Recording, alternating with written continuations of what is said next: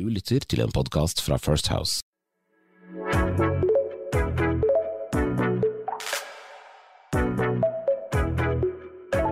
Ja, da er det en glede å ønske velkommen til eh, det vi har kalt en live podkast her fra Hill. Det eneste problemet er at den ikke er live. Ja, Den er jo på en måte live for de som er her, men eh, den er ikke streamet live. Og det er fordi Sigbjørn har en tendens til å si så mye Ikke dumt nødvendigvis, men det kan ikke sendes på lufta. Jeg er sensurert. Ja, og Derfor så må vi ha muligheten til å redigere dette før vi deler det fler, med flere enn de som er her på Hill. Men i alle fall, mitt navn er Cecilie Ditlev Simonsen. Jeg har jo gleden av å være med i disse podkastene som vi har kalt Skjæringspunktet. Kommer tilbake til det. Og jeg har med meg to partnerkollegaer. Og til høyre for meg Jon Georg Dale. Hei, hei. Og til venstre for meg Sigbjørn Aanes. Hei. Hei. Eh, dette er første gang vi eh, Hvorfor har du solbrillene der?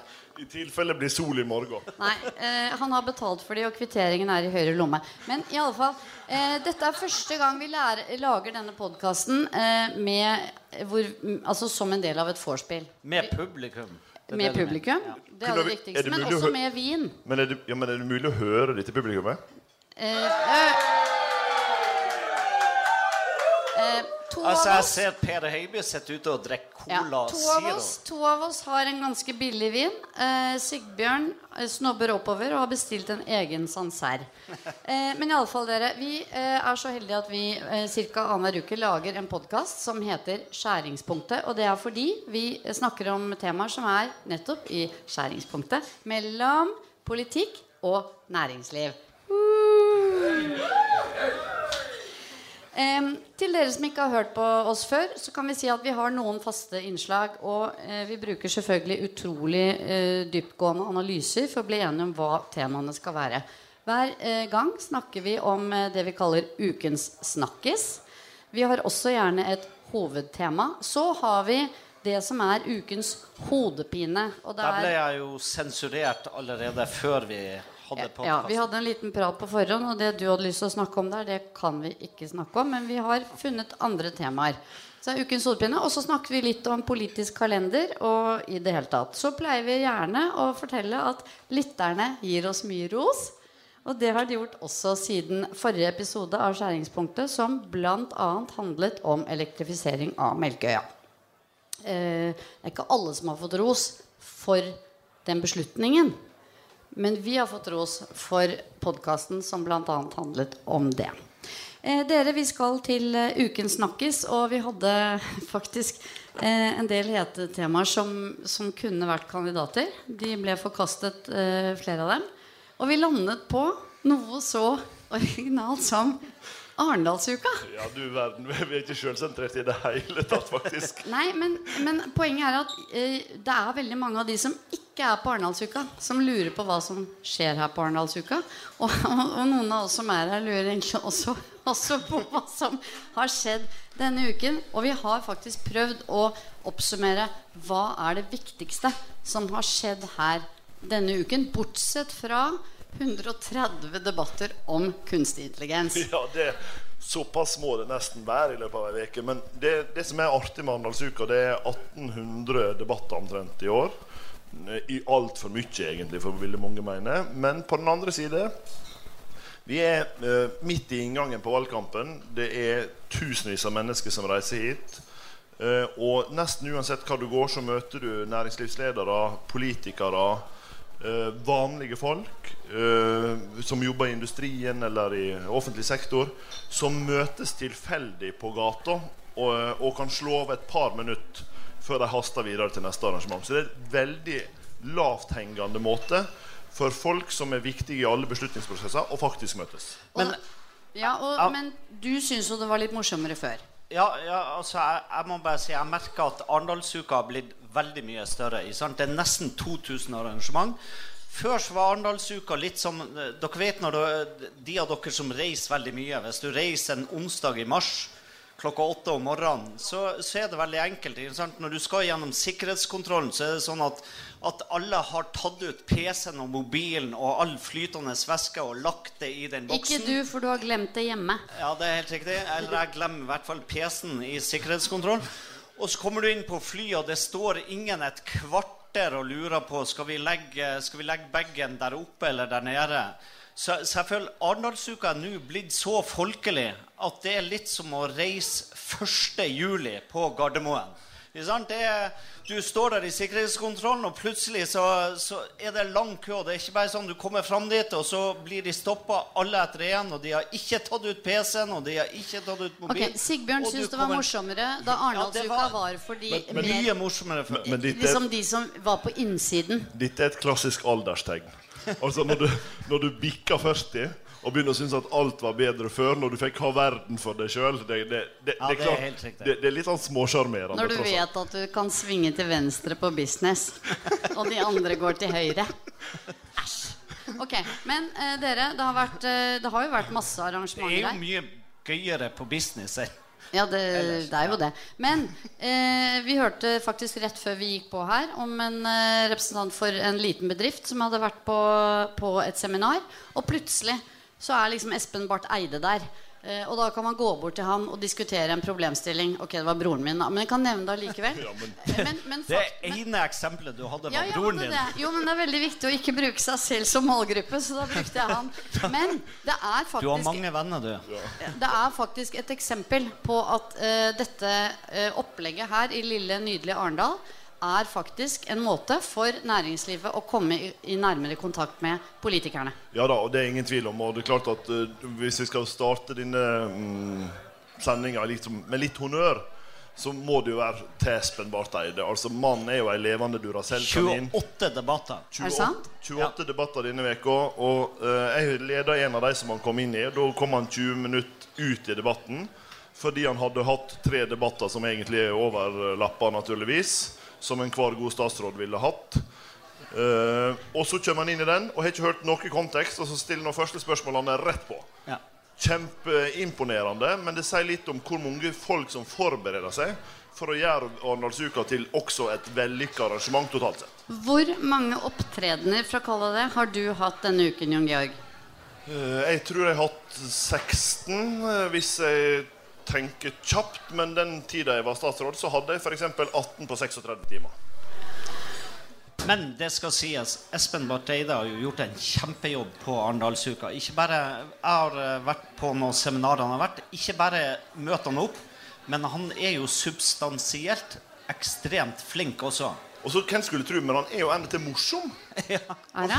Ja, Han ser ja, ja. ikke så morsom ut, men man skal ikke men, dømme. Men da går jeg til et annet arrangement. Vårt eget Super Tuesday-arrangement. Når Martin Kolberg eh, fikk hele salen til å runge. Altså Martin Kolberg 73, eller hva måtte være Han hadde jo folk drukket øl en time før det, da. Men mannen er jo en levende Han legende. er Det er helt legende. fantastisk å se på. Ok. Det var ukens eh, Snakkes. Vi tar en applaus.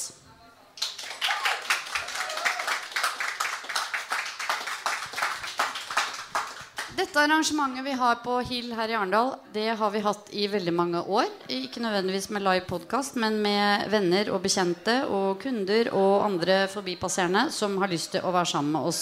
Eh, Fordi dette er faktisk et oppspill til partilederdebatten. Det som er litt rart, kan vi kanskje si, er at det har vært ganske lite politikk som har vært diskutert på arrangementene i Arendalsuka. Men i kveld er det partilederdebatt. Og jeg har lyst til å spørre dere to. Altså, Sigbjørn, du har vært statssekretær, nærmeste rådgiver for Erna Solberg i mange år. Jon Georg, du har vært statsråd i to omganger, og en rekke andre også politiske eh, ansvar og oppgaver. Kan dere ikke si litt om hvordan foregår forberedelsene til en partilederdebatt? Jeg ser på deg først, Jon Georg. De er formidabelt krevende. Fordi først handler det jo om hva slags tema blir valgt. Så i mange tilfeller som Men det er NRK som velger? Ja? Nei, men det, det, det er en kjempefight i forkant av debatten. Jeg og Sigbjørn sloss begge, Den tida vi begge to var spinndoktorer for hver sin partileder, så var det jo en intens kamp om påvirkning av hva som skulle være tema til Hvilket debatten. tema skal du ha? Forberedelsene starta mange uker før med krangling med NRK. Hvilket tema skal det være?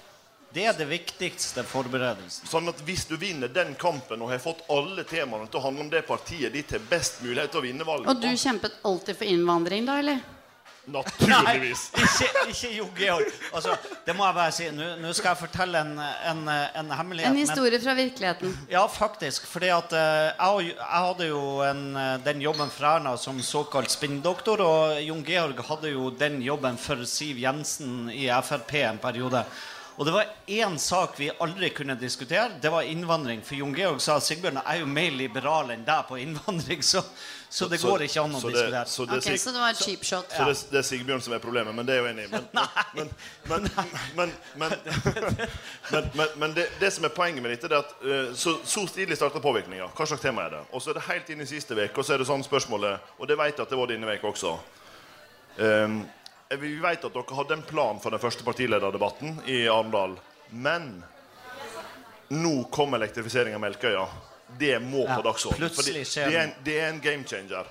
Ja. Hvis ikke dere debatterer det i den første debatten, så er dere uinteressante. Og derfor tror jeg at det blir en av kveldens viktige Og det skal vi komme tilbake til. Men de som er med i denne debatten, som anses som en av de virkelig viktige eh, milepælene i denne valgkampen, hvordan forbereder de seg? Hvordan forbereder Erna Solberg seg? Nei, og der tror jeg det er veldig forskjellig fra partileder til partileder.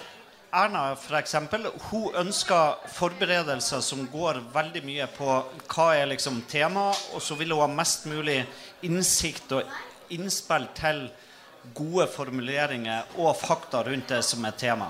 Så tror jeg det er andre partiledere som jobber mer med liksom hva de skal, akkurat hva de skal si. Det gjør ikke Erna Solberg. Hun er ikke så mye opptatt av det. Hun vil mest være forberedt på å kunne fakta og spørsmål rundt det som er tema. Men der vil det være kanskje annerledes for Sylvi og Ja, altså for, Andre partiledere. når jeg jobber for Siv Jensen, eksempel, og for så vidt eh, vet at Sylvi er litt på samme måten som hun var, så Og da er det Sylvi Listhaug, partileder. Jeg bare er litt sånn Ja, men hvis du ikke vet hvem Sylvi er, så Ja, ja, trenger du ikke å høre på podkasten. Men, men, men, men det, det er i hvert fall sånn at, at hvis, hvis eh, hun skal forberede seg til en sånn debatt, så vil hun tenke at i de fleste tilfeller så kan hun nok om veldig mange temaer til at hun er i stand til å stå i diskusjonen. Så det handler om å finne ut hvordan kan du skille deg ut. Sørge for at du får like mye sendetid som Arbeiderpartiet og Høyre får. Spisse budskapet nok til at du er relevant og setter dagsorden uten at det bikker over. Trener de? Åpenbart. Altså, Ja, veldig de- de- de mye. bruker- Men, men de der er det forskjell, ikke sant? Fordi at mange av, av partilederne trenger å, å finne ut av hvordan får jeg disse to-tre gode poengene inn som gjør at jeg kan få debatten over på mitt tema eller der jeg vil. Mens for Høyre og Arbeiderpartiet er det nok annerledes. Du vet du får mye tid, så mye handler om å kunne akkurat det som er temaet. Det som er interessant for eh, årets partilederdebatt, er at vi plutselig har en ny partileder fra Rødt, som vi aldri har sett før, som, eh, som skal i sin ilddåp. Eh, hva blir de viktigste temaene i kveldens partilederdebatt? Jon Georg? Eh, Nei, jeg tror som sagt at elektrifisering blir ett av dem. Det vil det overraske meg om vi får en partilederdebatt som ikke eh, starter med en, en runde om politiske skandaler. Gitt at det er tre statsråder Det kommer til å handle om tillit. ja, som liksom tre statsråder som har vært i hardt vær, og der to av dem har gått av den, de siste månedene. Så liksom å få, å, å få avklart det tror jeg er viktig. Og så vet vi at det blir mange dueller i dagens partilederdebatt. Ja, veldig mange.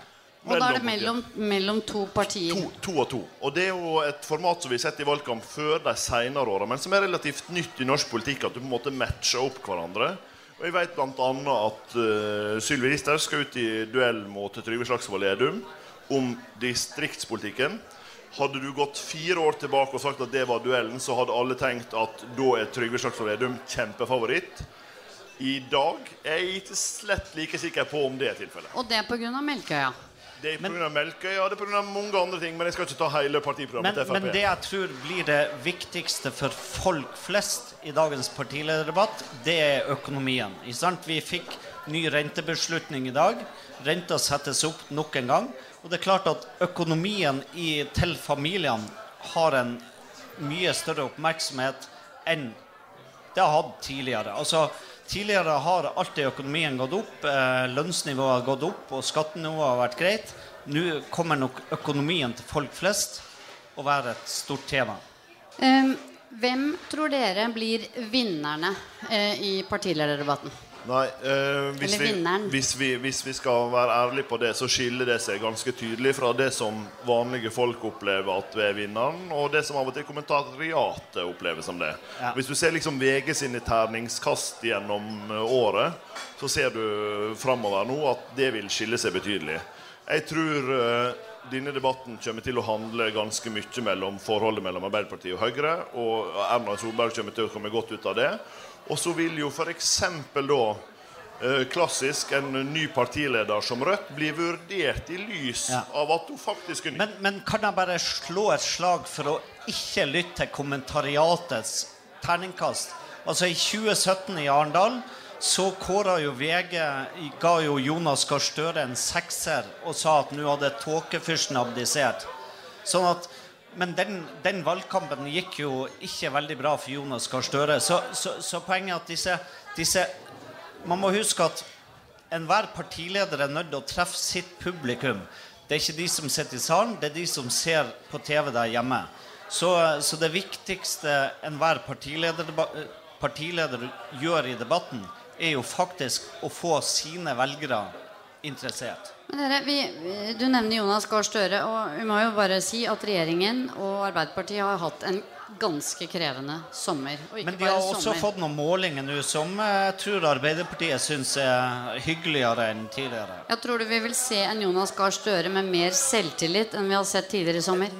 Nei, ikke nødvendigvis, men jeg tror at de ser at det er mulig på målingen å gjøre det bedre enn mange hadde spådd. Partilederdebatten skal vi overføre direkte her for de som eh, vil se og høre. Vi vet jo av erfaring at innen vi kommer så langt, kvart over ni i kveld, så eh, er det ikke alle som lytter til alt som blir sagt. Men vi kjemper for å få oppmerksomhet i Men- noen minutter til. Men de hører jo på oss, naturligvis. Det er nettopp det de gjør, og det er, eh, tror vi. Og det er kjempehyggelig. Du ser jo det her ute at de lytter veldig intenst til oss. Eh, og eh, jeg bare lyst til å Ja, si Per dere Høiby nikker akkurat nå. Ja, han gjør det. For han er jo company guy. Men dere, eh, partilederdebatten, viktig. Kanskje ikke så viktig man, som man skulle tro, som du sier. Nei, nei, nei og, og det var det interessante. fordi at i, I 2017, når du hadde det, da jobba jeg fremdeles for Erna Solberg og på statsministerens kontor. Og så gikk jeg inn og så på seertallene på en partilederdebatt. Og da, da så du at 50 av de som så på den gang, var over 65 år. Sånn at partilederdebatten har mye mindre å si i seg sjøl, og så har jo selvfølgelig måten media skriver om det på, kanskje en viss betydning. Og så har jo veldig mange begynt å forhåndsstemme. Jeg har ikke tallene Ja, på det, men og- det virker jo som det har blitt Og da, de har jo stemt allerede, mange. En, enda mer enn tidligere. Og dermed så har det mye å si hvor tidlig du starta valgkampen. Og det, det er interessant, for hvis en følger med på hva som har skjedd i valgkampen nå, så hadde vi noen saker i sommer som viste at Jonas Gahr Støre var på ferie. Det skjedde på samme tidspunkt som Erna Solberg var i buss rundt om i landet, og Sylvi Listhaug var på bobiltur i Nord-Norge. Selvfølgelig i bobil. Naturligvis. Og det er jo Og en du har jo også bobil. Nei, jeg har jo ikke bobil, men jeg leier når det trenges, sånn som vanlige folk gjør. Jeg har sett deg i bobil. Altså, jeg, ikke, ikke det, inni. det er ikke pent synt kan jeg si. Men, men, men det som er poenget med det, er jo at det viser jo ganske klart at uh, en del av partiene nå har begynt å skru seg annerledes i valgkampen. Fordi at den siste, mest intensive fasen, som var det vi kjente som valgkampen før, den starta nå i mai og juni. Og den starta heller, heller ikke på stand, som den gjorde før. Den starta med massive kampanjer i sosiale medier for å påvirke lenge før valget eh, åpna, eller forhåndsvalget åpna. Og Derfor var jo jeg så overraska over at Støre starta valgkampen den 7. august. Fordi at det er så viktig å starte tidlig. Og det har vi gjort siden 2013. Har du fått videohilsen fra Erna hvor hun sier 'kjære Sigbjørn'? Jeg fikk en SMS, men jeg åpna ikke den linken. Ja, du trodde det var spam? Ja, Jeg åpnet den, jeg. Og det var hilsen fra Erna. ja men, det- men det sies at det er de over 50 åpna den, men de under gjorde boo! Ok, du er herved meldt inn til verneombudet, men det tar vi senere. Dere, Hvem er er, verneombud? ja, det, hun står her borte, men vi går ikke nærmere inn på den. Er ikke det Nei, vi tar ikke det. Er det mm, Skal vi si noe mer om valgkampen?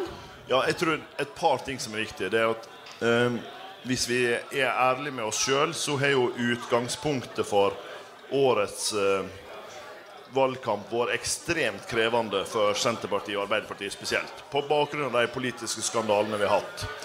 Det er mange som tenker at det gir på en måte bare en demotivert organisasjon og et vanskelig utgangspunkt.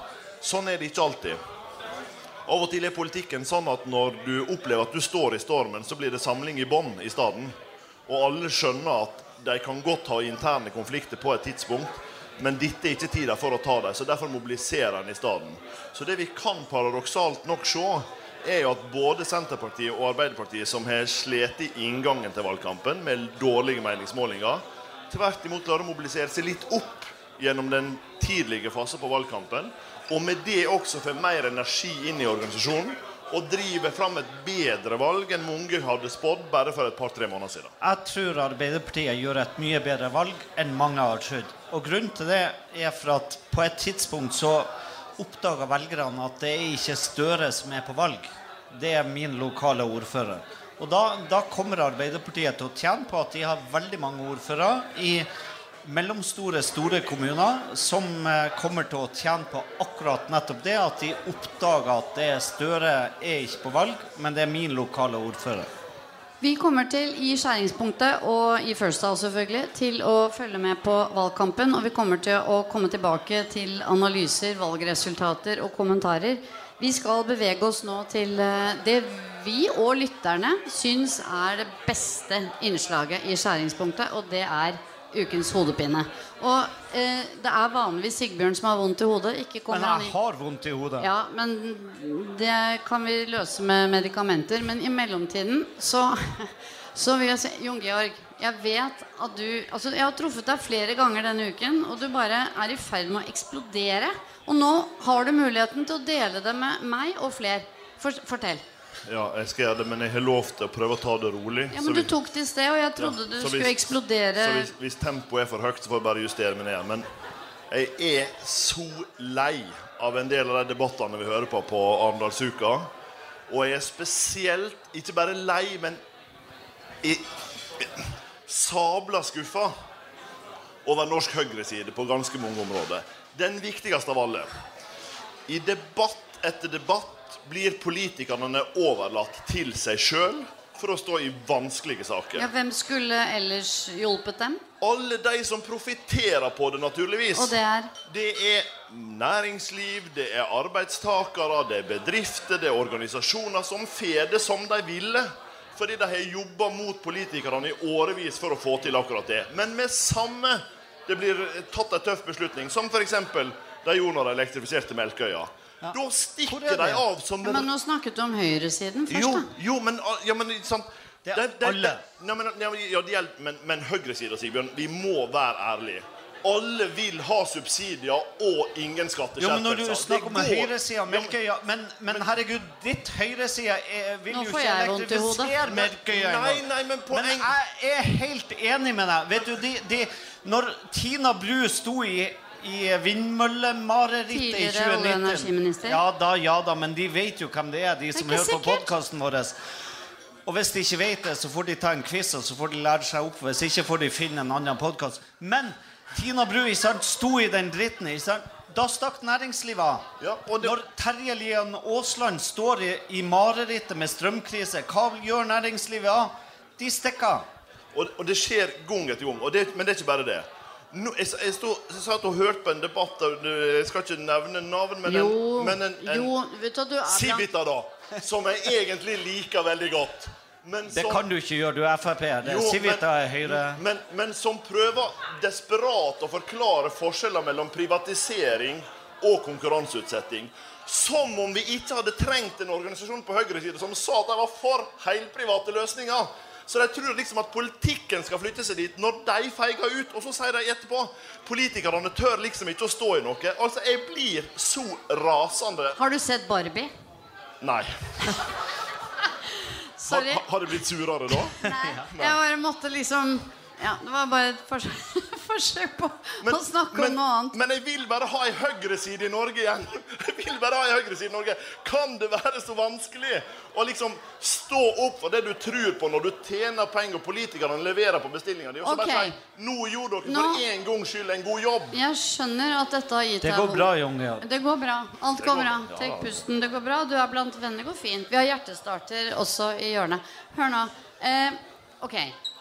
Hva er ditt råd til næringsliv, organisasjoner, NGO-er og andre som du nå er sint på? Hva er rådet? Lag rom for politikerne til å utfordre det etablerte gjennom å velge et kompromiss mellom dagens situasjon og den andre aktører har sagt at de vil ha. For problemet er at når politikerne blir det mest ytterliggående og må stå i alle kampene alene, så klarer de det kanskje en dag, kanskje to dager, kanskje to måneder, kanskje to år, men de Men- klarer det ikke over tid. Men de kan kan ikke gjøre det. Men, men det er veldig interessant. for at som, hvis, du, hvis du ønsker å oppnå noe, så må du huske at du må være av og til ytterpunkt. Fordi at du må, du må skape et rom for politisk kompromiss.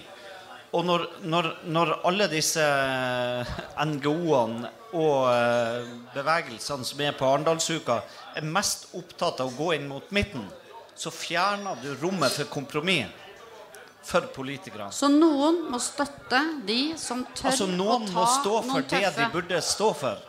Ja, og noen politikere tør, men de har veldig få Men, støttespillere. men det er veldig vanskelig som politiker hvis, hvis, hvis alt presset går inn mot midten, så fjerner du rommet for politikken til å ha kompromiss. Og for, for å si det enkelt, jeg hadde aldri trodd du skulle si det, men stakkars Terje Lien Aasland. Han Ja. er den eneste som snart mener at elektrifisering av Melkøya er forsvarlig.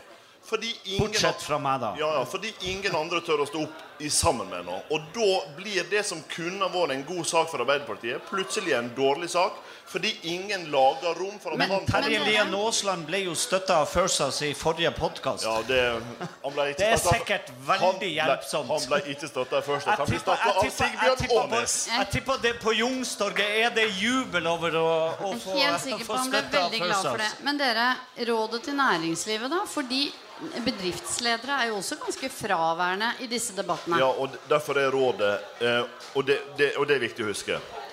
Det er ikke alltid at det som i sum tjener virksomheten de her og nå, er å stå i dritten. Og det gjør at mange vegrer seg. Og av og til er det et godt råd å gi. Andre ganger er det sånn at du må tørre å stå i det for å faktisk gi rom for de politiske kompromissene som Sigbjørn er inne på. Sånn at det som er poenget, Du kan ikke velge alle slag, men av og til må også norsk næringsliv eller organisasjonene eller Men eller NGO-ene gjøre Jo, opptatt av å Georg, du har, ja, men jeg må bare si, Jon Georg, du har ikke vært på alle arrangement i Arendal. Fordi at jeg var på et arrangement i går med de syv kanskje største selskapene i Norge. Og da sier både Yara-sjefen, DNB-sjefen og sjefen i, i Norsk Hydro at vet du hva? Et av de problemene som har vært de siste årene, er at vi ikke har gjort nok. Fremover så må vi ikke bare stå i disse debattene når vi er egne prosjekter. Men det ble sagt vi er no som næringslivet også nødt til å ta den debatten når vi ikke har noe tjent på det sjøl. Så der var det faktisk litt selvransakelse.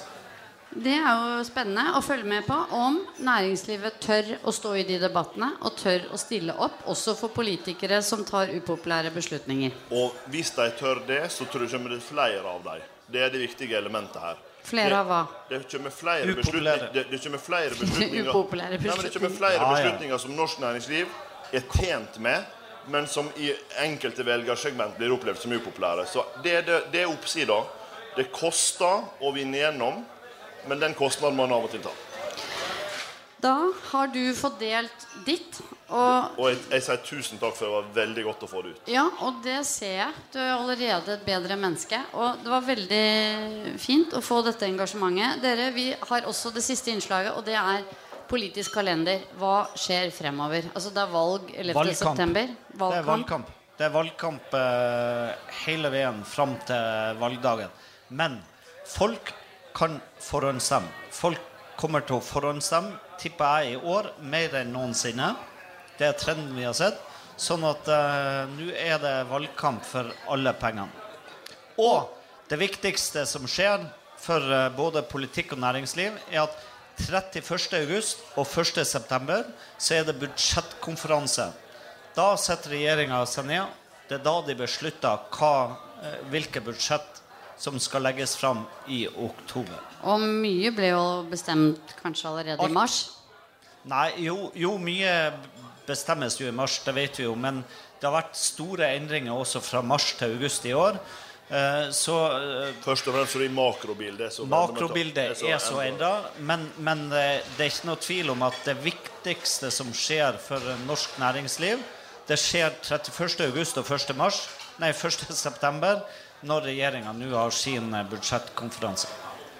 Det blir spennende å følge med på. Vi kommer tilbake til det. Jeg, jeg har lyst til å spørre egentlig dere som har hørt på oss. Tenker dere at vi kan legge ut denne podkasten uten å sensurere bort noe som er sagt?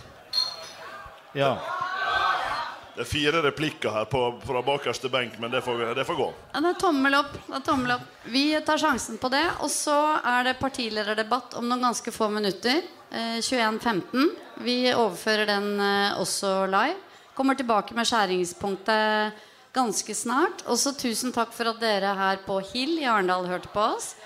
Eh, og takk for at dere som etter hvert eh, hører på oss når vi legger ut dette, deler eh, skjæringspunktet med venner og bekjente. Det er litt tidlig å ønske godt valg, men eh, vi kan si takk for Arendalsuka.